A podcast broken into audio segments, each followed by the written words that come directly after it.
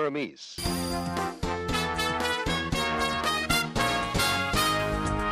မင်္ဂလာညနေခင်းပါသောရရှင်များရှင်အမေရိကန်ပြည်ထောင်စုဝါရှင်တန် DC မြို့တော် VOA အမေရိကန်တန်ကနေ2020ပြည့်နှစ်ဖေဖော်ဝါရီလ15ရက်စနေညနေခင်း VOA မြန်မာပိုင်းစီစဉ်တွေကိုမြန်မာစံတော်ချိန်ညနေ6နာရီခွဲကနေ9နာရီထိစတင်ထုတ်လွှင့်ပေးနေပါပြီ။လိုင်းဒိုမီတာ19 19နဲ့25တို့ကနေဓာတ်ရိုက်အတန်လွှင့်နေပါပြီရှင်။ နေညနေခင်းအတွက်အစီအစဉ်မှုကကျမစုမုံပါရှင်မင်္ဂလာညနေခင်းပါရှင်ဒီကနေ့ညနေခင်းတဲ့တွေကိုတော့ကိုရနိုင်နဲ့ကျမအနန်းလာတို့ပြောပြမှာပါတရုတ်နှစ်တကူအပြီးအနေနဲ့ရက်ကနေတရုတ်နိုင်ငံဘီဂျင်းမြို့တော်ကိုရောက်လာတဲ့သူဘယ်သူမဆိုကိုယ့်ဘာသာဆက်လက်ရက်ကြာတီချခွဲပြီးနေကြရမယ်လို့တရုတ်တာဝန်ရှိသူတွေကအမိန့်ထုတ်ပြန်လိုက်ပါတယ်ဂျပန်နိုင်ငံယိုကိုဟာမာစိတ်ကမ်းမှာတီချခွဲပြီးတော့ဆိုက်ကတ်ထားတဲ့ဇင်ခံတင်မော်ဘော်ကအမေရိကန်နိုင်ငံသားတွေကိုလေရင်လွတ်ပြီးတော့ပြန်ခေါ်မယ်လို့အမေရိကန်အစိုးရတာဝန်ရှိသူတွေကပြောပါတယ်ဒီလိုသတင်းတွေကြားမှာပါမဆုမ ဟုတ်ကဲ့ပါနန်းလောင်ရေဒီစနေညနေခင်းအတွက်သောရရှင်တွေကိုတင်ဆက်ပေးမယ့်သတင်းလွှာတွေကတော့စစ်ရေးပဋိပက္ခတွေပြင်းထန်နေတဲ့ရခိုင်ပြည်နယ်မင်းပြမြို့နယ်တွေကရာမောင်းတရားအနီးမှာတော့ရခိုင်တိုင်းရင်းသားလက်နက်ကိုင်တပ်နဲ့အေးတပ်တို့ကြားမှာဒီမြန်မာစစ်တပ်နဲ့တနေကုန်တိုက်ပွဲတွေဖြစ်ပွားနေပါတယ်။ ဆိုတော့ဒီမလေးကတနေကုန်တိုက်ပွဲအတွင်းမှာတော့ ရန်သူဘက်ကနေပြီးတော့15ဦးထဲမနေကြဆုံးပြီးတော့ဒါရတဲ့သူတွေလည်း အများကြီးဒီကျွန်တော်တို့ခိုင်းစားတဲ့ရခိုင်တိုင်းရင်းသား လက်နက်ကိုင်တပ် AA ရဲ့ ပြောခွင့်ရပါရှင်ဒီတိုက်ပွဲသတင်းပေးပို့ချက်နဲ့အတူ ဒီလို တိုက်ပွဲတွေကြားမှာចောင်းသားကလေးငယ်တွေနဲ့ အရက်သား ထိခိုက်သေးဆုံးမှုတွေကို နိုင်ငံတကာက စိုးရိမ်နေသလိုပဲနိုင်ငံသားတွေပေါ်မှာအစိုးရနဲ့ လွှတ်တော်ဘက်ကတော့ အကာအကွယ်ပေးမှု မဲ့နေပါတယ်ဆိုပြီး လွှတ်တော်ကိုယ်စားလှယ်တွေနဲ့ နိုင်ငံရေးခေါင်းဆောင်တွေက ပြောဆိုလိုက်ကြတဲ့အကြောင်း သတင်းလွှာကို နားဆင်ရဖို့ရှိသလို နိုင်ငံတကာ သတင်းလွှာမှာတော့ တရုတ်နိုင်ငံက ဒီ virus ပိုးကူးစက်သူနဲ့သေဆုံးသူအရေအတွက်တစ်နေ့တခြားများပြားလာနေတဲ့အနေအထားအပေါ်မှာဒီပြပွဲပြိုင်ပွဲတွေပယ်ဖျက်ရတဲ့အကြောင်းတွေကိုလည်းတင်ဆက်ပေးဖို့ရှိပါတယ်။အခုရင်ဆုံးကတော့နောက်ဆုံးရသတင်းတွေကိုနန်းလောင်နဲ့ကိုရနိုင်တို့ပြောပြပေးကြပါလိမ့်မယ်ရှင်။တရုတ်နှစ်တကူအပြီးအနေနဲ့ရက်ကနေတရုတ်နိုင်ငံဘီဂျင်းမြို့တော်ကိုရောက်လာကြတဲ့သူဘသူမဆိုကိုယ့်ဘာသာဆက်လက်ရက်ကြာတီချခွဲပြီးတော့နေကြရမယ်လို့တရုတ်တာဝန်ရှိသူတွေကပြောပါတယ်။ ကိုရိုနာဗိုင်းရပ်စ်ပြန့်နှံ့မှုကိုထိန်းချုပ်တဲ့အနေနဲ့ အစိုးရကထုတ်ပြန်လိုက်တဲ့ဒီအမိန့်ကို မဖြစ်မနေလိုက်နာကြရမှာဖြစ်ပြီးတော့မလိုက်နာတဲ့သူတွေကိုတော့ တရားဥပဒေအရ အရေးယူမယ်လို့လည်း နိုင်ငံပိုင် နေ့စဉ်သတင်းဌာနက ကြေညာသွားတာပါ။ကိုရိုနာဗိုင်းရပ်စ်ကြောင့် သေဆုံးသူ143ဦး ထပ်တိုးလာတယ်လို့ တရုတ် အမျိုးသားကျန်းမာရေးကော်မရှင်ကဒီကနေ့ကြေညာခဲ့တာကြောင့်အခုဆိုရင်ဒီရောဂါကြောင့်သေဆုံးသူ1500တက်မနေရှိသွားပါပြီ။မနေ့တောက်ကြနေ့မှာတော့ရောဂါရှင်အသစ်9090ရှိခဲ့ပြီးတော့ဒီကနေ့စနေနေ့မှာထပ်ပြီးကူးစက်ခံရသူ2642ဦးတွေ့ရှိခဲ့တဲ့အတွက်ခုရက်ပိုင်းအတွင်းရောဂါကူးစက်သူအရေအတွက်ကျဆင်းသွားတာလည်းဖြစ်ပါတယ်။တောက်ကြနေ့ကတော့ကိုရိုနာဗိုင်းရပ်စ်ကူးစက်ခံရသူ9090ထိရှိကြောင်းတရုတ်ဆိုရကတရားဝင်ကြေညာခဲ့တာပါ။ယောဂါစစ်ဆေးတဲ့နီလန်ကိုထပ်ပြီးတော့ကူးစက်ခံရတဲ့သူတွေကိုစစ်ဆေးတဲ့နီလန်တွေကိုတရုတ်အစိုးရကလက်တလောပြောင်းလိုက်တဲ့အတွက်ကူးစက်မှုတွေတရှိန်ထိုးတက်သွားခဲ့တာလည်းဖြစ်ပါတယ်။နီလန်အသစ်ထဲမှာတော့ယောဂစစ်ဆေးတဲ့နေရာမှာတက်ခွဲခန်းကိုပေးပို့စစ်ဆေးတာထက်အဆုတ်ဓာတ်မှန်နဲ့တခြားနီလန်တွေကိုသုံးပြီးတော့ခွဲချမ်းစိတ်ဖြာသုံးသပ်ကြတာပါ။ယောဂကြောင့်သေဆုံးသူအများစုကယောဂစတင်ပြန်လာရာဟူဘေးပြည်နယ်မြို့တော်ဝူဟန်ကဖြစ်တယ်လို့တရုတ်ကျန်းမာရေးဌာနကပြောပါတယ်။အခုဆိုရင်တရုတ်နိုင်ငံမှာကိုရိုနာဗိုင်းရပ်စ်ကူးစက်ခံရသူ6,900ဝန်းကျင်ရှိနေပြီးတော့သေဆုံးသူကတော့1,523ဦးထိရှိတယ်လို့ကျန်းမာရေးကော်မရှင်ကအတည်ပြုပါတယ်။ယောဂကူးစက်ခံရသူတွေထဲမှာကျန်းမာရေးဝန်ထမ်း1916ဦးပါဝင်ပြီးတော့အဲ့ဒီထဲက6ဦးကတော့သေဆုံးသွားတယ်လို့ကျန်းမာရေးကော်မရှင်ဒုတိယအကြီးအကဲဇွန်ရှီဂျင်းကတောက်ကြနေမှာပြောပါတယ်တရုတ်နိုင်ငံမှာကိုရိုနာဗိုင်းရပ်စ်ကူးစက်ခံရပြီးပြန်ကောင်းလာတဲ့သူတွေအနေနဲ့တခြားယောဂကူးစက်ခံရတဲ့သူတွေကိုယောဂပြအောင်ကုသတဲ့နေရာမှာအထောက်အကူဖြစ်စေဖို့အတွက်သွေးလူကြဖို့ကိုတိုက်တွန်းလိုက်ပါတယ်။နေပြန်ကောင်းလာတဲ့သူတွေအနေနဲ့သူတို့ရဲ့အဖိုးတန်လာတဲ့သူတွေကိုလူပြီးတော့လူတွေတည်တည်တဲ့အထိဖြစ်စေတဲ့ဒီကိုရိုနာဗိုင်းရပ်စ်ပိုးကူးစက်ခံထားတဲ့တခြားသူတွေကို ကယ်တင်ကြပါလို့ ဝူဟန် ဂျင်းရင်တန်စေယုံအုပ်ရဲ့ ပြောကြားချက်ကို ကိုးကားပြီးတော့တရုတ်ဆိုရပိုင် ရှင်ဟွာသတင်းအေဂျင်စီကဂျာတာရီနေမှာ ဖော်ပြလိုက်ပါတယ်။ယောဂပျောက်ကင်းသက်သာလာတဲ့သူတွေရဲ့ ခန္ဓာကိုယ်ထဲမှာ ကိုရိုနာဗိုင်းရပ်စ်ပိုးသစ်ကို တိုက်နိုင်တဲ့ ပဋိဓာတ်တွေ အတော်များများရှိတယ်လို့စေယုံအုပ်ကြီးဇန်ဒင်ယူကပြောပါတယ်။ ဒီပဋိဓာတ်တွေဟာရောဂါကူးစက်ခံရတဲ့အချိန်မှာခန္ဓာကိုယ်တွင်းကတုံ့ပြန်မှုအစိတ်ပိုင်းဖြစ်ပြီးတော့ပြင်ပကနေဗိုင်းရပ်စ်ဒါမှမဟုတ်ကာကွယ်ဆေးတွေခန္ဓာကိုယ်ထဲဝင်လာချိန်မှာဖြစ်ပေါ်လာလေ့ရှိတာဖြစ်ပါတယ်။တရုတ်နိုင်ငံမှာကိုရိုနာရောဂါကူးစက်ခံရတဲ့သူအရေအတွက်ဟာ6,900ကျော်ရှိသွားပြီဖြစ်ပြီးတော့သူတို့နဲ့အနီးကပ်နေတဲ့သူဟာ9သိန်းကျော်ရှိတာဖြစ်ပါတယ်ခင်ဗျာ။ ဂျပန်နိုင်ငံယိုကိုဟားမားဆိပ်ကမ်းမှာသီးခြားခွဲပြီးဆိုက်ကပ်ထားတဲ့ Diamond Princess ဇိမ်ခံသင်္ဘောပေါ်ကအမေရိကန်နိုင်ငံသားခရီးသည်တွေကိုလေယာဉ်လွှတ်ပြီးပြန်ခေါ်မယ်လို့အမေရိကန်အစိုးရတာဝန်ရှိသူတွေကပြောပါတယ်။ဒီသင်္ဘောဟာတရုတ်နိုင်ငံပြီးရင်ကိုရိုနာဗိုင်းရပ်စ်ကူးစက်ခံထားရသူအများဆုံးရှိတဲ့နေရာပါ။ဖေဖော်ဝါရီလ၁၆ရက်နေ့ညနေခင်းမှာလေယာဉ်ရောက်လာမယ်လို့ဂျပန်နိုင်ငံတိုကျိုမြို့အမေရိကန်သံရုံးကသင်္ဘောခရီးသည်တွေကိုပေးပို့တဲ့စာထဲမှာရေးသားထားပါတယ်။အဲဒီခရီးသည်တွေအနေနဲ့လည်းအမေရိကန်နိုင်ငံပြန်ရောက်တဲ့အခါရောဂါကူးစက်ခံထားရတာမျိုးရှိမရှိထပ်ပြီးစောင့်ကြည့်စစ်ဆေးခံသွားဖို့လည်းအကြံပြုတိုက်တွန်းထားပါတယ်။အမေရိကန်ပြန်ရောက်တဲ့အခါမှာတော့ခရီးသည်အားလုံး၁၄ရက်ကြာသီးခြားခွဲပြီးနေကြရဦးမှာပါ။ဒီလိုအခြေအနေအရပ်ရပ်ဟာစိတ်အနှောင့်အယှက်ဖြစ်စရာကောင်းမှနားလည်ပေမယ့်ရောဂါပြန့်ပွားနိုင်မယ့်အနေအထားတွေကိုကန့်သတ်ဖို့စနစ်တကျချမှတ်ထားတဲ့နည်းလမ်းတွေအရလုပ်ကိုင်ရတာပါလို့လည်းသံရုံးရဲ့စာထဲမှာရှင်းပြထားပါတယ်။အခုလွှတ်လိုက်တဲ့လေယာဉ်နဲ့ပြန်မလိုက်ရင်အမေရိကန်ကိုပြန်ဖို့သတ်မှတ်တဲ့အချိန်ထိစောင့်ရဦးမှာဖြစ်ပြီးဘယ်အချိန်ပြန်ခွင့်ရမယ်ဆိုတာကိုတော့အမေရိကန်ရောဂါကာကွယ်ထိန်းချုပ်ရေးဌာန CDC ကနောက်ဆုံးဆုံးဖြတ်ပါလိမ့်မယ်လို့လည်းစာထဲမှာဖော်ပြထားပါတယ်။ဟောင်ကောင်ကနေတက်ပြီးလိုက်လာတဲ့အမျိုးသားခရီးသည်တဦးမှာကိုရိုနာဗိုင်းရပ်စ်ကူးစက်ခံထားရတာကိုတွေ့ရှိခဲ့ပြီးတဲ့နောက်မှာတော့ဂျပန်ဆိပ်ကမ်းကိုသင်္ဘောဆိုက်ကပ်ခဲ့တဲ့ဖေဖော်ဝါရီလ၃ရက်နေ့ကတည်းကအဝင်အထွက်ပေးမလုပ်ဘဲစောင့်ကြည့်နေတာပါ။သင်္ဘောပေါ်မှာလိုက်ပါလာတဲ့ခရီးသည်နဲ့အမှုထမ်း၃,၅၀၀ထဲမှာရောဂါကူးစက်ခံထားရသူ၂၁၈ဦးရှိပြီးဆေးရုံတွေမှာကုသပေးနေတာလည်းဖြစ်ပါတယ်။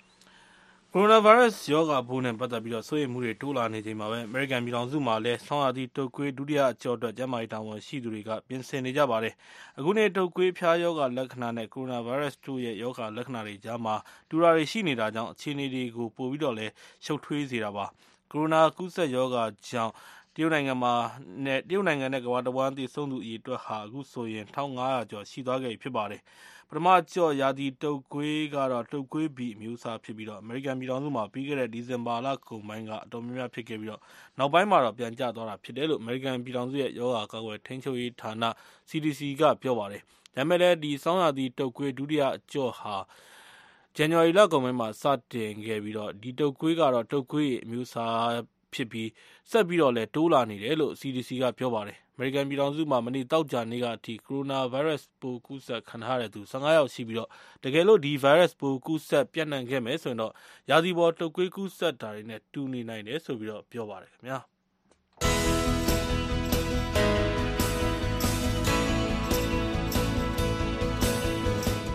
VOA American တန်ညနေပဲမြန်မာဘာသာအစီအစဉ်တွေကိုညနေ6နာရီခွဲကနေညနေ9နာရီထိလိုင်းဒိုမီတာ7 kHz 10683ည လိုင်းဒိုမီတာ19 kHz 15563ညနဲ့လိုင်းဒိုမီတာ25 kHz 11965တို့ကနေထုတ်လွှင့်ပေးနေပါတယ်ရှင်။ VOA မြန်မာပိုင်းရဲ့စနေနေ့ညနေခင်းထိတ်တန့်ရောက်တဲ့သတင်းတွေကိုဆက်ပြီးတော့တင်ပြနေပါတယ်။ အာဖဂန်တာလီဘန်တွေနဲ့အမေရိကန်အစိုးရကြားမကြာသေးခင်ကရလိုက်တဲ့ယာယီအဖြစ်ခတ်ရစရေးတဘောတူညီချက်တွေအောင်မြင်မယ်ဆိုရင်တော့ဆက်ရှင်နှစ်ကြာအာဖဂန်စစ်ပွဲအဆုံးသတ်ပြီးတော့အမေရိကန်တပ်ဖွဲ့တွေအိမ်ပြန်လာမယ့်သဘောတူညီမှုမျိုးရလာနိုင်ပါတယ်။ဒီသဘောတူညီမှုအရလာမယ့်လမှာအတိုက်ခံကြားတွဲဆုံဆွေးနွေးညှိနှိုင်းဖို့တောင်းဆိုလာနိုင်တယ်လို့တနိုင်ငံလုံးအဖြစ်ခတ်ရစရေးအထီတောင်ဖြစ်လာနိုင်တယ်လို့ AP သတင်းတရက်မှာရေးသားထားပါတယ်။ကြအပြင်အမေရိကန်တပ်ဖွဲ့တွေပြန်ဆုံမဲ့အချိန်ကာလနဲ့ပတ်သက်လို့စီစဉ်ဆောင်ရွက်နေတဲ့ကာလအတွင်းတာလီဘန်တို့အနေနဲ့ကလည်းအယ်ခိုင်ဒါလိုအကြမ်းဖက်အုပ်စုတွေကိုခိုလုံခွင့်မပေးဖို့ကတိပြုတာမျိုးလည်းဖြစ်လာနိုင်တယ်လို့ဆိုထားပါတယ်။ဒီယာယီအပြစ်ခတ်ရစရေးသဘောတူညီမှုဟာအမေရိကန်တို့ရဲ့အရှိကြဆုံးစစ်ပွဲအဆုံးသတ်ရေးအတွက်မှတ်တိုင်တစ်ခုဖြစ်တယ်လို့ပဋိပက္ခတွေဖြစ်နေတဲ့ပြည်ပနိုင်ငံရောက်အမေရိကန်တပ်ဖွဲ့တွေပြန်ခေါ်မယ်ဆိုတဲ့သမ္မတဒေါ်နယ်ထရမ့်ရဲ့မဲဆွယ်စည်းရုံးရေးကတိစကားတွေကိုအကောင့်ထဲပေါ်ရလဲရောက်ပါတယ်။ဒါပေမဲ့လည်းတာလီဘန်တို့နဲ့ရေရှည်ခံပြီးတော့စစ်မှန်တဲ့အပြစ်ခတ်ရစရေးတကယ်ပဲဖြစ်လာမလားဆိုတာကတော့အခုချိန်ထိရှင်းရှင်းလင်းလင်းမရှိသေးပါဘူး။သဘောတူညီမှုပါအသေးစိတ်ချက်လက်တွေကိုတော့နာမည်မဖော်လို့တဲ့အမေရိကန်အစီအမံအရာရှိသူနဲ့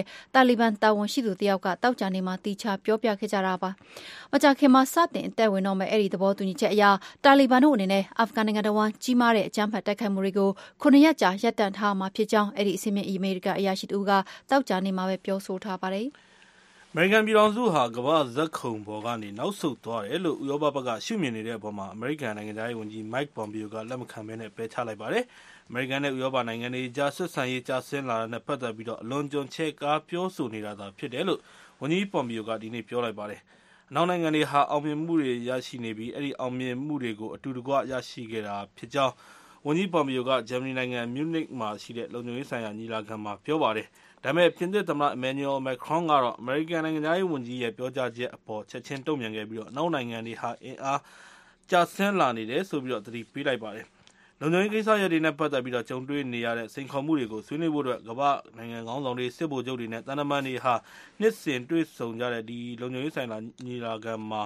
တွေ့ဆုံခဲ့ကြတာဖြစ်ပြီးတော့တရုတ်နဲ့ရုရှားတို့ဘက်ကပို့ပြီးတော့သူတို့ဘာသာသူတို့ယုံကြည်မှုတွေတိုးမြင့်လာတာတွေကြောင့်အနောက်နိုင်ငံတွေရဲ့ဩဇာလွှမ်းမိုးမှုတွေကြာဆင်းလာမှာကိုစိုးရိမ်တယ်ဆိုတဲ့ပြောဆိုမှုတွေကိုဒီညီလာခံအတွင်းမှာအဓိကထားဆွေးနွေးခဲ့ကြတာဖြစ်ပါတယ်။ အမေရိကန်ပြည်ထောင်စုဟာနိုင်ငံတကာအတိုင်းဝိုင်းဆိုတဲ့အယူဆကိုတော့လက်မခံပဲပယ်ချလိုက်ပြီးတော့မိတ်ဆွေမဟာမိတ်တွေအိန္ဒိချင်းတွေကိုဆုံးရှုံးခံပြီးတော့လုပ်နေတယ်လို့လည်းဂျာမနီသမ္မတ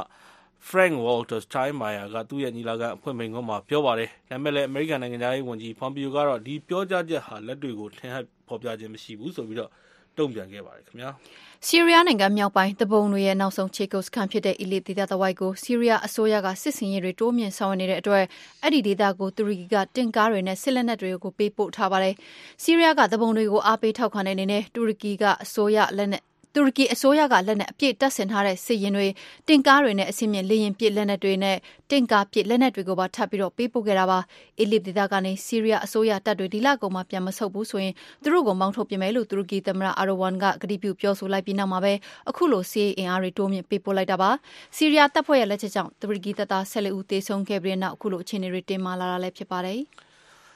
အင်္ဂလန်ပရီးမီးယားလိဂ်ချန်ပီယံ မန်ချက်စတာ စီးတီးအသင်းကိုတော့ လာမယ့် ဘောလုံးရာသီကစပြီး ဥရောပပြိုင်ပွဲတွေကနေ ၂ နှစ် ထုတ်ပယ်လိုက်ပါတယ်။ဥရောပဘောလုံးအဖွဲ့ချုပ်က ချမှတ်ထားတဲ့ ဘဏ္ဍာရေးဆိုင်ရာ စည်းမျဉ်းစည်းကမ်းတွေကို လိုက်နာခြင်းမရှိတာကြောင့် မန်စီးတီးအသင်းကို ဥရောပပြိုင်ပွဲတွေကနေ ၂ နှစ် ထုတ်ပယ်လိုက်တာဖြစ်တယ်လို့ ဥရောပဘောလုံးအဖွဲ့ချုပ် UEFA က မနေ့က ထုတ်ပြန်ပါတယ်။မန်စီးတီးအသင်းဟာ သူတို့ရဲ့ ဘဏ္ဍာငွေကြေး အထောက်အပံ့တွေနဲ့ ပတ်သက်ပြီး ပိုပြခဲ့တယ်လို့လည်းဆိုပါတယ်။ မန်စီးတီးအသင်းကတော့ အခုလို သူတို့ကို ဥရောပပြိုင်ပွဲတွေကနေ ၂ နှစ် ထုတ်ပယ်လိုက်တဲ့အပေါ်မှာအယူခံဝင်သွားမယ်လို့ ပြောကြားလိုက်ပါတယ်ခင်ဗျာ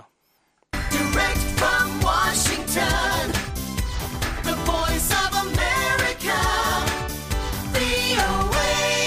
စနေညနေခင်းအတွက် နောက်ဆုံးသိထားတဲ့သတင်းတွေကို နန်းလောင်နဲ့ ကိုရန်နိုင်တို့ ပြောပြပေးခဲ့တာဖြစ်ပါတယ်ရှင်အခုဆက်ပြီးတော့ထိတ်တရောက် သတင်းလွှာတွေနဲ့ သတင်းပေးပို့ချက်တွေကို တင်ဆက်ပေးခြင်းပါတယ် ရခိုင်ပြည်နယ် မင်းပြားမြို့နယ် ရာမောင်းတရားအနီးမှာတော့မြန်မာစစ်တပ်နဲ့ ရခိုင်တိုင်းရင်းသားလက်နက်ကိုင်တပ် AA အဖွဲ့တို့ မနေ့တုန်းကတနေကုန် တိုက်ပွဲဖြစ်ပွားခဲ့ပြီးတော့နှစ်ဖက်တပ်ဖွဲ့တွေ ထိခိုက်ကြဆုံးမှုရှိသလို အရက်သားတွေလည်း ထိခိုက်မှုရှိခဲ့ပါတယ် ဒီလိုမျိုးတိုက်ပွဲတွေနဲ့ပြစ်ခတ်မှုတွေအတွင်းမှာ ထိခိုက်ရတာကြောင့် ဒေသခံတွေဟာ သူတို့ရဲ့ လုံခြုံရေးအတွက် စိုးရိမ်ထိတ်လန့်နေကြပါတယ်။အသေးစိတ်ကိုတော့ VOA မြန်မာပိုင်းသတင်းတောက် နိုင်ကိုအိန်က သတင်းပေးပို့ထားပါတယ်။ဟုတ်ကဲ့ပါ။မနေ့က မင်းပြားမြို့နယ်ရံမောင်တရန်နီတနေကုန်ဖြစ်တဲ့ တိုက်ပွဲမှာ မြန်မာစစ်တပ်ဘက်ကရောအေအေရခိုင်လက်နက်ကိုင်အဖွဲ့ဘက်ကပါ ထိခိုက်မှုတွေ ရှိနေတယ်လို့အေအေပြောခွင့်ရ ခိုင်တုခက အခုလိုပြောပါတယ်။မနေ့က မင်းပြားမြို့နယ်ဖိုးကျော်ရွာ အနီးမှာဒီမနက်9နာရီ20ကစပြီးတော့မှညနေ6နာရီလောက်ထိပေါ့နော်ဒီမြန်မာစစ်တပ်ရဲ့ဟိုတမ99လက်အောက်ခံဓာတုအခြေစိုက်ခမရ900စစ်တပ်ရဲ့နဲ့ဒီကျွန်တော်တို့တပ်ဖွဲ့တွေအပြင်းထန်တိုက်ပွဲဖြစ်တာရှိတယ်။ဒါတော့ဒီညနေ6နာရီလောက်မှာတော့ဒီမြန်မာစစ်တပ်တွေကဖားကြရအထက်ကိုဆုတ်သွားတာရှိတယ်။ဒါတော့အဲ့ဒီဖားကြရအထက်ကနေပြီးတော့အဲ့ဒီမှာရှိတဲ့အရာသားတွေအားလုံးကိုသူတို့ဒီလူသားတိုင်းကထားပြီးတော့လောက်ထားတာပေါ့နော် ဆိုတော့ဒီမလေးကတနေကုန်တိုက်ပွဲအတွင်းမှာတော့ ရန်သူဘက်ကနေပြီးတော့15ဦးထက်မနည်းကြာဆုံးပြီးတော့ ဒဏ်ရာရတဲ့သူတွေလည်း အများကြီးရှိဒီရန်သူရဲ့ လက်နက်ခဲယမ်း စစ်အုံဆောင် စာရုံးစာတမ်းတွေပါတဲ့ဒီချင်းတော့36တောင်းကို ကျွန်တော်တို့ သိသိရမိကြတာရှိနောက်ပြီးရန်သူအလောင်း ၃ လောင်း သိသိရမိတယ် ပြီးတော့ဒီပြင်းထန်ဒဏ်ရာရနေတဲ့တောင်းပန်တူလည်း ဖမ်းဆီးရမိကြတာရှိဒီကျွန်တော်တို့ ရခိုင်တပ်တော်ကလည်း အာရခစစ်တီတွေနဲ့ကြာဆုံးခဲ့တာရှိလေးဦး ဒဏ်ရာရတာရ န်မောင်တရန်နီဖြစ်တဲ့ တိုက်ပွဲမှာ မြန်မာစစ်တပ်ဘက်က ထိခိုက်မှုတွေ ရှိခဲ့တယ်လို့လည်း အနောက်ပိုင်းတိုင်း စစ်ဌာနချုပ် တပ်မတော်ပြောခွင့်ရ ဗိုလ်မှူးကြီးဝင်းစောဦးက ပြောပါတယ်။နေ့က တိုက်ပွဲဖြစ်တယ် အဲ့မှာ။မောင်သားမှုမှာ တိုက်ပွဲဖြစ်တယ်။တိုက်ပွဲကတော့ ပြင်းတယ်။ကျွန်တော်ဘက်ကလည်းနဲ့တန်ရတော့ဒါပဲပြောလို့ရမယ်။ကျန်တာတော့ပါ။မင်းပြမြို့နယ်ရန်မောင်တရန်နီတိုက်ပွဲဖြစ်စဉ်တွင်လက်နက်ကြီး ပစ်ခတ်မှုကြောင့် အရသားတွေ ထိခိုက်မှု ရှိခဲ့တယ်လို့ မင်းပြမြို့ခံ ဦးအောင်ကျော်က ပြောပါတယ် အာရတာက၄ယောက်ပါခင်ဗျပထမဆုံးတော့တရားကဘကန်ကဂိုင်းရှော့ကသူကမင်းသားနေပြီးကျန်လာကျန်လာတော့တိုက်ပွဲဖြစ်တဲ့အချိန်မှာသူကလုံချုံနေရာမှာနေတဲ့အချိန်မှာဘာကြီးဆိုင်ပြီးတော့ကြီးထိလာတယ်တရားကဥကောင်းပေါ်ထိတယ်ပေါင်ကိုထိတဲ့ကိုကြီးကြတော့သူကလက်ဖက်ဆိုင်မှာနေပြီးတော့လက်ဖက်တောက်နေတယ်အဲ့ဒါမင်းသားကပ်ဖို့ဇက်စိတ်မှာတယောက်ထိရနောက်ပြီးတော့ကျော်စီဆိုင်စာရှိရဲ့တော့ရမောင်တန်းနဲ့ဆိုရင်တမိုင်နောက်ပွဲကွာအဲ့မှာတယောက်ဘိုက်ကိုထိရလေးယောက်ကန်ရတယ် တန်ရာရတဲ့သူတွေထက်ကဝက်ကောင်းချောင်းကြေးရွာသားဥကြထုံးအောင်ဟာတန်ရာပြင်းထန်လွန်းတာကြောင့်စစ်တွေစေယုံကိုပို့ဆောင်ထားရပြီးကျန်တဲ့သူတွေကတော့မင်းပြစေယုံမှာစိတ်ကူးတခံယူနေရပါတယ်။ရမောင်တရန်ဒီဖားပြော်ကြေးရွာဘက်မှာလည်း လက်နက်ကြီးကြီးကြားရောက်လို့ရွာသား2ဦးတန်ရာရရှိခဲ့တယ်လို့တိုက်ပွဲဖြစ်ပွားပြီးမြန်မာစစ်တပ်ကနေရွာကိုပိတ်ဆို့ထားတယ်လို့ဖားပြော်ရွာသားတို့ကပြောပါတယ်ရွာသားတွေကတော့တန်ရာရတာတော့တယောက်နှစ်ယောက်ကတော့ရတယ်သူကမျက်နှာပေါ်မှာကြည့်ရှိုးတော့လေဝက်တင်တော့တွေကတော့သင်ကုန်ကြတယ်ဘာလို့လဲတရားလုံးကဟိုဖိမိနေလိုက်ရတယ်ရွာထဲမှာလေအကုန်လုံးဝိုင်းတယ်ဖဲမယ်ဆိုတော့လေသူတို့ကအထက်မပေးဘူးမင်းပြရမောင်တရားဘက်မှာမြန်မာစစ်တပ်နဲ့အေအေတို့ကြားပြစ်ခတ်တိုက်ခိုက်မှုတွေမကြာခဏဖြစ်ပွားနေတယ်လို့ တိုက်ပွဲဖြစ်စဉ်တွင်လက်နက်ကြီးငယ်တွေနဲ့ ပစ်ခတ်မှုမှာ အရသားတွေ ထိခိုက်မှုတွေ ရှိနေတာကြောင့် ဒေသခံတွေအနေနဲ့ စိုးရိမ်မှုတွေလည်း မြင့်တက်လာနေပါတယ်။တိုက်ပွဲဖြစ်ပွားနေမှုကြောင့် မင်းပြစစ်တွေ ရန်ကုန်ကားလမ်းလည်း မနေ့က တနေ့ကုန်ပိတ်နေပြီး ဒီနေ့ နေ့လယ်ပိုင်းထိတော့ ကားသွားလာတာ မတွေ့ရသေးဘူးလို့ မင်းပြဒေသခံတွေက ပြောပါတယ်။မနေ့ကလည်းကြောက်တော်မြို့နယ် ကန်ဆောက်ရွာဘက်မှာ နှစ်ဖက်တိုက်ပွဲဖြစ်ပွားခဲ့ကြောင်း ခိုင်တုခက ဆက်ပြောပါတယ်။ဖေဖော်ဝါရီလ14ရက်နေ့မှာကြောက်တော်မြို့နယ် ကန်ဆောက်ရွာရဲ့အချင်းများဖွဲ့ဒီမီတာ600လောက်အကွာမှာ ဒီကြီးကန်းတောင်အနီးမှာညနေ9နာရီ15မိနစ်မှာထိတွေ့တိုက်ပွဲဖြစ်တာရှိတယ်။ရန်သူဘက်က9ဦးကြာဆုံးခဲ့တာရှိတယ်။မင်းပြနဲ့ကြောက်တော်တိုက်ပွဲတွင်မြန်မာစစ်တပ်ဘက်ကထိခိုက်ကြဆုံးမှုများတယ်လို့အေအေဘက်ကပြောဆိုနေတယ်လို့တမတော်ဘက်ကတော့အတီးပြုတ်ပြောဆိုတာမရှိပါဘူး။လက်ရှိကြောက်တော်မြို့နယ်တင်းမရွာဘက်နဲ့ပလက်ဝမြို့နယ်မိချောင်းဘက်မှာလည်းပြစ်ခတ်တိုက်ခိုက်မှုတွေဆက်လက်ဖြစ်ပွားနေဆဲလို့လည်းအေပြောခွင့်ရခိုင်တုခကဆိုပါတယ်။ ဒီဖေဖော်ဝါရီလအတွင်း မြန်မာစစ်တပ်နဲ့ ရခိုင်လက်နက်ကိုင် AA အဖွဲ့တို့ တိုက်ပွဲတွေ ရက်ဆက်ဖြစ်ပွားနေတယ်လို့ဖေဖော်ဝါရီလ10ရက်နေ့ကနေ ဒီကနေ့ထိ တိုက်ပွဲဖြစ်စဉ်အတွင်း အရတားចောင်းသားငယ်တွေပါဝင်တေဆုံးသူ6ဦးရှိပြီး45ဦးခန့်တန်ရာရရှိခဲ့ပါတယ်။ရခိုင်ပြည်နယ် တိုက်ပွဲတွေမှာ လက်နက်ကြီးကြီးထိမှန်မှု မိုင်းပွားကွဲမှုပြစ်ခတ်ခံရမှုတို့ကြောင့်တေဆုံးသူ130ကျော်နဲ့တန်ရာရရှိသူ360ကျော် ရှိတယ်လို့ ရခိုင်ចောင်းသားများသမဂ္ဂတက္ကသိုလ်များရန်ကုန်ရဲ့ ပြီးခဲ့တဲ့လ ထုတ်ပြန်တဲ့စာရင်းမှာ ဖော်ပြထားပါတယ်ခင်ဗျာ။ နိုင်ကွန်းအိမ်ပါရှင်ဒီလိုမျိုးစီးရေးအခြေအနေကြားမှာအရက်သားထိခိုက်သေးဆုံးမှုတွေဖြစ်နေတဲ့အပေါ်အစိုးရနဲ့လွှတ်တော်ဘက်ကဆောင်ရွက်ပေးနိုင်မှုအနေအထားကိုလည်းတင်ဆက်ပေးကြပါမယ်။စီးရေးပြိပခါတွေအတော်လေးကိုပြင်းထန်နေတဲ့ရခိုင်ပြည်နယ်ထဲမှာကလေးငယ်လေးတွေအပါအဝင်အရက်သားတွေထိခိုက်သေးဆုံးဒဏ်ရာအပြင်းထန်ရနေတဲ့အခြေအနေပေါ်မှာနိုင်ငံတကာကစိုးရိမ်နေပေမဲ့လို့အစိုးရနဲ့လွှတ်တော်အနေနဲ့နိုင်ငံသားတွေပေါ်မှာထိရောက်စွာကာကွယ်နိုင်မှုကအရန်ကိုအားနည်းနေပါတယ်လို့ရခိုင်လွှတ်တော်ကိုယ်စားလှယ်နဲ့ခေါင်းဆောင်တွေကထောက်ပြဝေဖန်လိုက်ပါတယ်။နိုင်ငံအကြီးအကဲတွေဘက်ကလည်းအခုလိုမျိုးရခိုင်ပါဝင် တိုင်းရင်းဒေသက တိုက်ပွဲတွေကြားမှာ ပြည်သူတွေ အသက်အန္တရာယ်နဲ့ ရင်ဆိုင်နေရတဲ့ အခြေအနေပေါ်လစ်လျူရှုထားတဲ့ အနေအထား ဖြစ်နေတယ်ဆိုပြီးတော့လည်း ဝေဖန်ကြပါတယ်။အသေးစိတ်ကို ဆက်ပြီးပြောပြပေးပါမယ်ရှင်။ရခိုင်ပြည်နယ်ထဲမှာ ရခိုင်တိုင်းရင်းသားလက်နက်ကိုင်တပ် AA နဲ့ အစိုးရစစ်တပ်တို့ကြား တိုက်ပွဲတွေ အပြင်းထန် ဖြစ်ပွားလာခဲ့တာတစ်နှစ်ကျော်ကြာလာပြီ ဖြစ်ပါတယ်။ဒီရက်ပိုင်းအတွင်းမှာကိုစာတင်ကျောင်းပေါ်အထိ လက်နက်ကြီးကြီးကြားလို့ မူလာတန်းကျောင်းသား ကလေးငယ်အများအပြား ဒဏ်ရာရခဲ့တဲ့အပေါ်မှာအလွန်အမင်းစိုးရိမ်မိပါကြောင်းကုလသမဂ္ဂကလေးများရန်ပုံငွေအဖွဲ့ UNICEF ကသတင်းထုတ်ပြန်သလိုလက်နက်ကိုင်ပဋိပက္ခတွေအတွင်းမှာကလေးငယ်တွေအပေါ်အကြမ်းဖက်တဲ့လုပ်ရပ်မှန်သမျှရှုတ်ချပါကြောင်းကလေးငယ်များစောင့်ရှောက်ရေး Save the Children ကလည်းတိုက်တွန်းခဲ့ပါတယ်။ဒီဖြစ်ရပ်နဲ့ပတ်သက်လို့အမေရိကန်ပြည်ထောင်စုနောက်ဗြိတိန်နိုင်ငံဘက်ကလည်းစိုးရိမ်မကင်းဖြစ်ရတဲ့အကြောင်းကြေညာချက်တွေချက်ချင်းဆိုသလိုထုတ်ပြန်ခဲ့တာပါ။အခုလိုမျိုးပြည်သူတွေအတွက်အသက်အန္တရာယ်လုံခြုံရေးအလွန်အမင်းစိုးရိမ်နေရတဲ့အနေအထားပေါ်မှာတော့လွှတ်တော်အနေနဲ့ပြည်သူတွေပေါ်မှာအကာအကွယ်ပေးနိုင်မှုတာဝန်ပျက်ကွက်တယ်လို့အမျိုးသားလွှတ်တော်ကိုယ်စားလှယ်တဦးဖြစ်တဲ့ ရခိုင်လွတ်တော်ကိုယ်စားလှယ် မထုမေက အခုလိုပြောပါတယ်။ခိုင်ပြည်နယ်မှာဖြစ်နေကြတဲ့ ပြဿနာတွေ အစကတည်းက ကြီးကြီးမားမားဖြစ်လာတဲ့အပေါ်မှာ လွတ်တော်အနေနဲ့မန်နိုင်တရားအနေနဲ့ဒါအစိုးရကို တိုက်တွန်းတယ် ကာကွယ်ပေးဖို့ မကာကွယ်ပေးနိုင်လို့ ထိမှန်သွားလို့ရှိရင်ဒါဒီပေါ်မှာနေပြီးတော့အကောင်းဆုံးပြည်သူတွေကို ဆောင်ရွက်ပေးဖို့ ကျွန်တော်တို့ဘလောက်ကြိုးပမ်း ကြိုးပမ်း လွတ်တော်များက ဒါတွေလက်လျူရှုပါတယ် လွတ်တော်များဒီမြန်မာနိုင်ငံရဲ့ ကလေးတငယ်ကို လုံးဝခရူးမဆိုင်တဲ့ပုံစံဖြစ်နေတယ် လွတ်တော်များဒီနေပြီးတော့ဒီကလေးတငယ်အခွင့်အရေး ကာကွယ်ရမယ့် အစိုးရရဲ့တာဝန်ဝတ္တရားကို ထိန်းကျောင်းဖို့ လွှတ်တော်က ဆွေးနွေးဖို့ပျက်ကွက်နေတယ်ရှင့်။ဒါကြောင့်မို့ ကျမတို့ ရခိုင်လွှတ်တော်ကိုယ်စားလှယ်များသည် ရခိုင်နဲ့ပတ်သက်လို့ ရခိုင်ပြည်နယ်မှာဖြစ်ပွားနေတဲ့ ပဋိပက္ခနဲ့ပတ်သက်လို့ ကလေးသူငယ်ကာကွယ်စောင့်ရှောက်ရေး အရေးကြီးအဆိုပဲဖြစ်ဖြစ်၊ရိုးရိုးအဆိုပဲဖြစ်ဖြစ် ဘာပုဒ်မတောင်မှအတိအကျမပြောဘဲနဲ့ အမျိုးသားလွှတ်တော်ဆိုင်ရာ ဥပဒေ နည်းဥပဒေနဲ့ မကိုက်ညီပါဘူးဆိုတဲ့ ပယ်ချပါတယ်။ဖက်ဒရယ်ကိုသွားနေတဲ့ မြန်မာနိုင်ငံအနေနဲ့ လူနည်းစုများရဲ့အခွင့်အရေး၊တိုင်းရင်းသားများရဲ့အခွင့်အရေးကို လုံးဝကာကွယ်မပေးသည့်အပြင် ဒီလိုမျိုး အသက်အန္တရာယ်နဲ့ ကလေးသူငယ်တွေ နေ့တိုင်းရင်ဆိုင်နေရတဲ့ဟာကိုလည်းလွှတ်တော်ကတခွန်းတပါဒမှနေပြီးတော့ဝင်ရောက်ဆွေးနွေးခြင်းအစိုးရကိုတိုက်တွန်းခြင်းဒီဆိုတွေကိုလုံးဝညှင်းပယ်ခြင်းတွေဆောင်ရွက်နေတဲ့အတွက်ကြောင့်မလို့ကျမတို့ကတော့ဒီလွတ်တော်ရဲ့အခန့်ကဏ္ဍကိုအင်မတန်မှအဲကျမတို့စိတ်ပြည့်မိတယ်အဲ စိတ်မကောင်းဖြစ်မိတယ် ကျွန်တော်တို့ပြည်သူကိုယ်စားလှယ်များဒီလွတ်တော်အတန်ဒီပြည်သူအတန်လုံးဝထင်ဟနိုင်တဲ့ အခြေအနေမရှိတဲ့ပုံမှာတော့ ကျွန်တော်အင်မတန်စိတ်ပြည့်တယ်ရှင်အရက်သားတွေ မထိခိုက်ရအောင် နှစ်ဖက်လက်နက်ကင်တပ်ဖက်က စစ်ဖက်ဆိုင်ရာ ကျင့်ဝတ်တွေကို လိုက်နာဖို့လိုတယ်လို့လည်း ရခိုင်မျိုးသားကောင်စီ AMC ရဲ့ အထွေထွေအတွင်းမှုဦးထွန်းစောကသုံးသပ်ပါတယ် အခုအရက်သားတွေတည်ဆုံမှုကတော့အဲလူတွေတစ်နေ့တစ်နေ့ ပိုများလာတာပေါ့နော်နောက်ဒဏ်ရာရမှုတွေတည်ဆုံမှုတွေကတော့ဒီရာကနေရှိနေပြီအဲလူက100ကျော်သေပြီပေါ့ဗျာနော် 200ကျော်ဒဏ်ရာရတယ်ဒါအပြစ်မဲ့တဲ့အရသာပြည်သူသက်သက်ပဲဖြစ်တယ်ဒုက္ခတွေဆိုရင်လည်းပဲတော့တသိန်းကျော်နေပြီပြောဗျာဒီတစ်နှစ်အတွင်းမှာဆိုတော့အခုလောလောလတ်လတ်ဖြစ်သွားတာကတော့ဒီမြန်မာနိုင်ငံရဲ့ဗိုလ်ချုပ်မွေးနေ့အဲ့ဒီနေ့ဖေဖော်ဝါရီလနော်ဒီတမနေ့ကပေါ့ဗျာဟိုဒါကူကဘလို့မှမဖြစ်တဲ့ကိစ္စပေါ့နော်အဲ့ဒီမှာကလေးတွေဟိုလက်နေကြီးကြီးထိပြီးတော့မှစာတင်ကျောင်းထဲမှာအဲကြာရောက်ပြီးတော့မှဖြစ် ဖြစ်တာပေါ့နော်ကလေးရေအတွက်ပေါင်း22လို့ကျွန်တော်သိရတယ်ဒီလိုမျိုးနေထိုင်ုံတွေပုံမှာကျွန်တော်တို့မြင်တာကတော့အဲနှစ်ဖက်စလုံးကတော့တာဝန်ရှိတာပေါ့အထူးသဖြင့်အစိုးရမှာတာဝန်ရှိလို့ကျွန်တော်တို့မြင်တယ်အဲဒီစစ်ပွဲဖြစ်ပြီးဆိုလို့ရှိရင်တော့အရသာပြည်သူတို့မထိခိုက်ဖို့အတွက်ကျွန်တော်တို့အဲဒါစီးရဲ့သဘောတရားမှာပေါ့လေနော်ရှောင်ရမဲ့စစ်ဘက်ဆိုင်ရာကျင့်ဝတ်တွေလည်းဖြစ်တယ်ဒီစစ်ဘက်ဆိုင်ရာကျင့်ဝတ်တွေကိုနော်လိုက်နာဖို့ အထူးသဖြင့် အစိုးရတပ်မတော်ဘက်မှာ တာဝန်ရှိတယ်လို့ ကျွန်တော်တို့အနေနဲ့ မြင်တယ် အခုလို ရခိုင်ပြည်နယ်ပါဝင်မှာတိုင်းရင်းဒေသတွေက တိုက်ပွဲတွေကြား အရသာထိခိုက်သေးဆုံး ဒဏ်ရာရနေတဲ့ အခြေအနေပေါ် နိုင်ငံအကြီးအကဲတွေရဲ့ကြိုက်တွယ်မှုနဲ့ ပတ်သက်လို့လည်း ဝေဖန်မှုတွေ ရှိပါတယ်။ရခိုင်တိုင်းရင်းသား လက်နက်ကိုင် ခေါင်းဆောင်တူဖြစ်တဲ့ ဦးထွန်းစောကလည်း အခုလိုမြင်ပါတယ်။နိုင်ငံတော်သမ္မတအာရုံးဘက်မှာနေပြီးတော့မှ တွေ့တဲ့အစည်းအဝေးမှာ နိုင်ငံတော်အတိုင်ပင်ခံပုဂ္ဂိုလ်ကနော် ULA ကို အမြင့်ပြုတ်ရှေမှုရေးလုပ်ဖို့အတွက်တော့သဘောထားဟို အဲ့ဒီကလေးကနေ ပေးပြီးဖြစ်တယ်ဆိုတာကို ထင်ဟပ်တယ် နောက်တစ်ခုက သမ္မတကလည်းပဲ လိုအပ်ရင်တော့ဒီတောင်းကျင်းလုံနှိမ့်ရေး စစ်မဟာဗျူဟာအောက်မှာ လိုအပ်တဲ့စစ်အင်အားတွေကိုသုံးပြုဖို့အတွက်လည်း ခွင့်ပြုပြီးဖြစ်တယ်ဆိုတဲ့အခါကျတော့ အစိုးရမှာနေပြီးတော့မှ အကြီးအကဲဖြစ်တဲ့ နိုင်ငံတော်တိုင်ပင်ခံရော သမ္မတ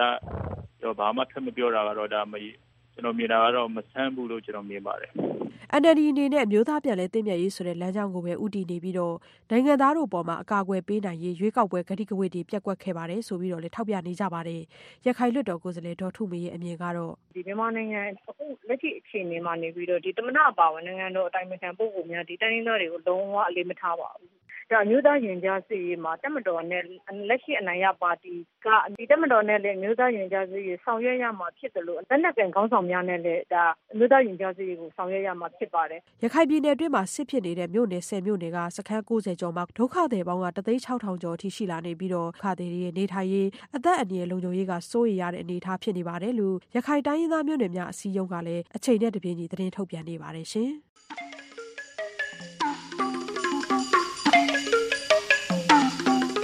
ချင်းပြည်နယ်ပလောဝမြို့နယ်ဘက်နဲ့ရခိုင်ပြည်နယ်မြောက်ပိုင်းဒေသတွေမှာတိုက်ပွဲတွေဖြစ်နေတာရော့မသွားတဲ့အပြင်ပိုပြီးပြင်းထန်လာနေတဲ့သတင်းတွေသိထားရပါတယ်။ဒီတိုက်ပွဲတွေရော့သွားနိုင်ခြေအလားအလာရှိသေးတယ်လို့ကျွန်တော်တို့သောတာရှင်တွေမြင်မိကြပါသလား။အဲဒီလိုတိုက်ပွဲတွေရော့သွားအောင်ဘယ်လိုလှုပ်ဆောင်နိုင်မယ်လို့ရောယူဆပါသလဲ။တိုက်ပွဲတွေရပ်ဖို့သက်ဆိုင်ရာအဖွဲ့အစည်းတွေနဲ့ခေါင်းဆောင်တွေကိုဘယ်လိုများပန်ကြားကြမှာလဲ။စသည်အားဖြင့်အခုလာမယ့်စနေညဓာတ်ရိုက်လီလိုင်းအစီအစဉ်မှာဆွေးနွေးကြရအောင်ပါ။ ဒီအစီအစဉ်မှာတိုက်ရိုက်ပါဝင်ဆွေးနွေးချင်တယ်ဆိုရင်ဆက်သွယ်ရမယ့်ဖုန်းနံပါတ်ကိုစနေညအမီပို့ထားပေးပါ။ကိုယ်ဆွေးနွေးချင်တာကိုစာနယ်ပဲဖြစ်ဖြစ်အသံဖိုင်နဲ့ပဲဖြစ်ဖြစ်ပို့ထားလို့ရတယ်လို့ VOA Facebook မှာလည်းမှတ်ချက်ပေးဆွေးနွေးလို့ရပါတယ်။သင်လျော်တဲ့ဆွေးနွေးချက်တွေကိုကောက်နှုတ်ထုတ်လွှင့်ပေးမှာဖြစ်ပါတယ်။ VOA ရဲ့ဖုန်းနံပါတ်က12393855554အီးမေးလ်လိပ်စာက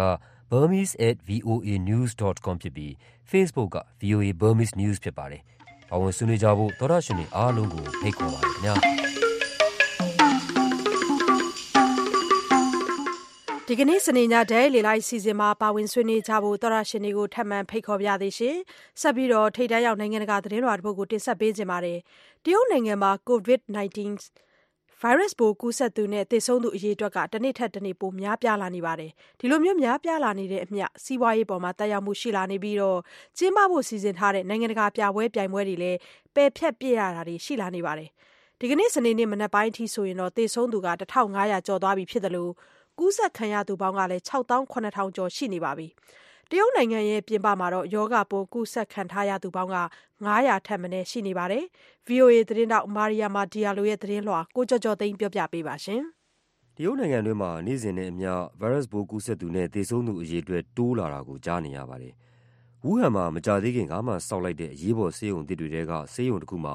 ဗိုင်းရပ်စ်ပိုးကူးစက်လူနာတွေကိုကုသဖို့အတွက်ဆရာဝန်နဲ့သူနာပြု၁,၀၀၀ကျော်ကို ဗုဒ္ဓဟူးနေ့ကပဲလွှတ်လိုက်ပါတယ်။တရုတ်နိုင်ငံပြင်ပမှာရောဂါပိုးကူးစက်သူအရေအတွက်ကသိပ်မများလှဘူးဆိုပေမယ့်လည်းဗိုင်းရပ်စ်ပိုးကူးစက်မှာကိုစိုးရိမ်တဲ့အတွက်စပိန်နိုင်ငံ၊ဘာစီလိုနာမြို့မှာကျင်းပဖို့စီစဉ်ထားတဲ့ကမ္ဘာ့အကြီးဆုံးမိုဘိုင်းနည်းပညာပြပွဲကိုစီစဉ်သူတွေကပယ်ဖျက်လိုက်ပါတယ်။ John Hoffman ဟာဒီပွဲကိုစီစဉ်ကျင်းပတဲ့ GSM အသင်းရဲ့ CEO ပါ။ “We did not take this decision lightly. We looked at the data. And yesterday we concluded ဒီဆုံးဖြတ်ချက်ကိုခက်ပေါ်ပေါ်ချခဲ့တာမဟုတ်ပါဘူး။ကိန်းဂဏန်းတွေကိုကြည့်ပြီးတဲ့နောက်လာတက်ဖို့စီစဉ်ထားသူအများစုလာကြမှာမဟုတ်ဘူးလို့ကျွန်တော်တို့မနေ့ကပဲကောက်ချက်ချလိုက်တာပါ။ဒီပွဲကိုတရုတ်နိုင်ငံကလူပေါင်း9000 6000လောက်အပါအဝင်နိုင်ငံပေါင်း200လောက်ကလူပေါင်း3သိန်းကျော်လာမယ်လို့ခန့်မှန်းခဲ့တာပါ။တရုတ်နိုင်ငံရှန်ဟိုင်းမြို့တော်မှာအီဗီလာကြရင်ကျင်းပဖို့စီစဉ်ထားတဲ့ Chinese Grand Prix ကားပြိုင်ပွဲကိုရွှေ့ဆိုင်းလိုက်တဲ့အကြောင်းကြီးမှုကျင်းပတဲ့ Formula 1အဖွဲ့ကလည်းကြေညာထားပါတယ်။ ဒီအပေါ်ပြိုင်ပွဲဝင်မဲ့သူတချို့ကစိတ်ပျက်ကြပေမဲ့ဆုံးဖြတ်ချက်ကိုတော့မကန့်ကွက်ကြပါဘူး။ဒီထဲမှာ Carlos Sainz လည်းတဦးအပါဝင်ပါ။ At the moment I think it's best everyone to stay safe and I think Formula 1 can wait. လက်ရှိချိန်မှာအန်ဒီရဲ့ကင်းအောင်နေတာကလူတိုင်းအတွက်အကောင်းဆုံးဖြစ်ပြီး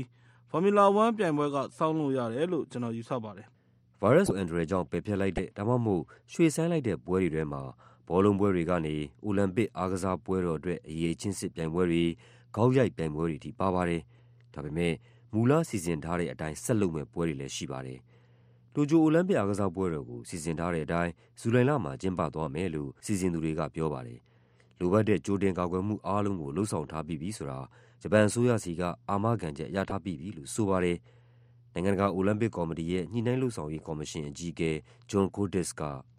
we'll be able to um um ensure obviously that the athletes go that the games go အားကစားသမားတွေလာပြိုင်ကြဖို့ပြိုင်ပွဲတွေကိုစီစဉ်ထားတဲ့အတိုင်းလုပ်သွားဖို့အားကစားသမားတွေအတွက်ရောလာကြည့်တဲ့သူတွေအတွက်ပါဘေးအန္တရာယ်ကင်းစေမဲ့နီးလန်းနဲ့လုပ်သွားမယ်ဆိုတာကျွန်တော်တို့အာမခံနိုင်မှာပါဒီတော့တင်မှာပဲယိုကိုဟာမာမှာစိုက်ကတ်ထားတဲ့ Diamond Princess ပျော်စည်းသင်္ဘောကြီးပေါ်ကခရီးသည်တွေထဲမှာကိုရိုနာဗိုင်းရပ်စ်ပိုးကူးစက်ခံထားရသူတွေထပ်ပြီးတွေ့ရတယ်လို့ဂျပန်တာဝန်ရှိသူတွေကပြောပါတယ်နောက်ထပ်သင်္ဘောကြီးတစင်းဖြစ်တဲ့ Westerdam ကတော့ အာရှနဲ့ ပစိဖိတ်ဒေသ နိုင်ငံအတော်များများက ဆိုက်ကပ်ခွင့် ငြင်းခံရပြီး နောက်ဆုံးမှာတော့ ကမ္ဘောဒီးယားနိုင်ငံမှာ ဆိုက်ကပ်ခွင့် ရခဲ့ပါတယ်။အဲဒီ သင်္ဘောကြီးပေါ်မှာတော့ ဗိုင်းရပ်စ်ပိုး ကူးစက်ခံထားရသူ တယောက်မှမရှိပါဘူး။အမေရိကန်နဲ့ ဗြိတိန်နိုင်ငံတွေမှာတော့ ဝူးဟန်ကနေ ပြန်ခေါ်လာသူ ရာပေါင်းများစွာကို သီးခြားခွဲ စောင့်ကြည့်ခဲ့ပြီးတဲ့နောက် ဗိုင်းရပ်စ်ပိုး ကင်းရှင်းတဲ့အတွက် ဒီသီတင်းပတ်ထဲမှာပဲ သွားလာခွင့် ပေးလိုက်ပြီဖြစ်ပါတယ်ခင်ဗျာ။ ကိုကျော်ကျော်သိန်းပါရှင်စနေညနေခင်းအတွက်သတင်းလွှာတွေကတော့ဒီလောက်ပါပဲနောက်2နာရီကြာည9နာရီကနေ10နာရီထိထုတ်လွှင့်ပေးမယ့်အစီအစဉ်တွေမှာတော့စနေညဒဲလေလိုက်ဆွေးနွေးကန်တဲ့ထိတ်တန်းရောက်သတင်းတွေကိုနားဆင်ရဖို့ရှိပါတယ်ရှင်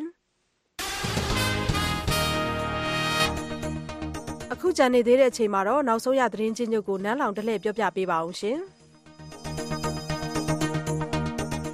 ရုတ်နှစ်သစ်ကူးအပြီးအနေနဲ့အရရက်ကနေတရုတ်နိုင်ငံဘီဂျင်းမြို့တော်ကိုရောက်လာကြတဲ့သူဘယ်သူမဆိုကိုယ့်ဘာသာ၁၄ရက်ကြာတိကျခွဲပြီးတော့နေကြရမယ်လို့တရုတ်တာဝန်ရှိသူတွေကပြောပါတယ်။ကိုရိုနာဗိုင်းရပ်စ်ပြန့်နှံ့မှုကိုထိန်းချုပ်တဲ့အနေနဲ့အစိုးရကထုတ်ပြန်လိုက်တဲ့ဒီအမိန့်ကိုမဖြစ်မနေလိုက်နာရမှာဖြစ်ပြီးတော့မလိုက်နာတဲ့သူတွေကိုတရားဥပဒေအရအရေးယူမယ်လို့လည်းနိုင်ငံပိုင်နေ့စဉ်သတင်းဌာနကကြေညာသွားတာပါ။ကိုရိုနာဗိုင်းရပ်စ်ကြောင့်သေဆုံးသူ143ဦးထပ်တိုးလာတယ်လို့တရုတ်ကျန်းမာရေးကော်မရှင်ကဒီကနေ့ကြေညာခဲ့တာကြောင့်အခုဆိုရင်ဒီရောဂါကြောင့်သေဆုံးသူ1500ထက်မနည်းရှိသွားပါပြီ။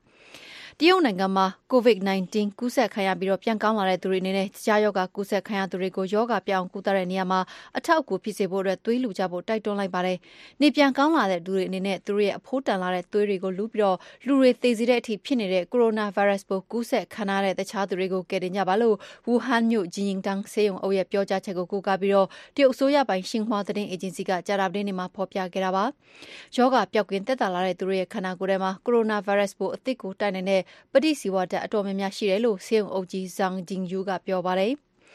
ဂျပန်နိုင်ငံယိုကိုဟာမာဆိပ်ကမ်းမှာသီးခြားခွဲပြီးဆိုက်ကပ်ထားတဲ့ Diamond Princess ဇိမ်ခံသင်္ဘောပေါ်ကအမေရိကန်နိုင်ငံသားခရီးသည်တွေကိုလေယာဉ်လွှတ်ပြီးပြန်ခေါ်မယ်လို့အမေရိကန်အစိုးရတာဝန်ရှိသူတွေကပြောပါတယ်။ဒီသင်္ဘောဟာတရုတ်နိုင်ငံပြီးရင်ကိုရိုနာဗိုင်းရပ်စ်ကူးစက်ခံထားရသူအများဆုံးရှိတဲ့နေရာလည်းဖြစ်ပါတယ်။ဖေဖော်ဝါရီလ၁၆ရက်နေ့ကညနေခင်းမှာလေယာဉ်ရောက်လာမယ်လို့ဂျပန်နိုင်ငံတိုကျိုမြို့အမေရိကန်သံရုံးကသင်္ဘောခရီးသည်တွေကိုပေးပို့တဲ့စာထဲမှာရေးသားထားတာပါ။အဲဒီခရီးသည်တွေအနေနဲ့လည်းအမေရိကန်ပြန်ရောက်တဲ့အခါရောဂါကူးစက်ခံထားရတာမျိုးရှိမရှိထပ်ပြီးစောင့်ကြည့်စစ်ဆေးခံသွားဖို့လည်းအကြံပြုထားပါတယ်။ စနေညနေခင်းရဲ့နောက်ဆုံးရသတင်းချင်းချုပ်ကိုနန်းလောင်ပြောပြပေးခဲ့တာပါရှင်ဒီညနေခင်းအတွက်အစီအစဉ်ထုတ်လုပ်ရမှုကကိုရန်နိုင်ဖြစ်ပါတယ်စက်ပိုင်းဆိုင်ရာအတန်ဖန်အင်ဂျင်နီယာကတော့ Patrick Dia ဖြစ်ပါတယ်ရှင်ကျွန်မကစုမုံပါဒီညနေခင်းအစီအစဉ်တွေကိုတာဝန်ယူတင်ဆက်ပေးခဲ့တာဖြစ်ပါတယ်ညနေခင်းအစီအစဉ်ဒီမှာပဲဆုံးသက်ပါမယ်ရှင်နောက်ည9:00နာရီကြာရင်တခါထပ်ပြီးတော့ထုတ်လွှင့်ပေးမယ်ညပိုင်းအစီအစဉ်မှာပြန်ပြီးတော့ဆုံကြရအောင်ပါ VOA ကိုနားတော်ဆင်ခဲ့တဲ့အတွက်ကျေးဇူးအထူးပဲတင်ရှိပါတယ်ရှင်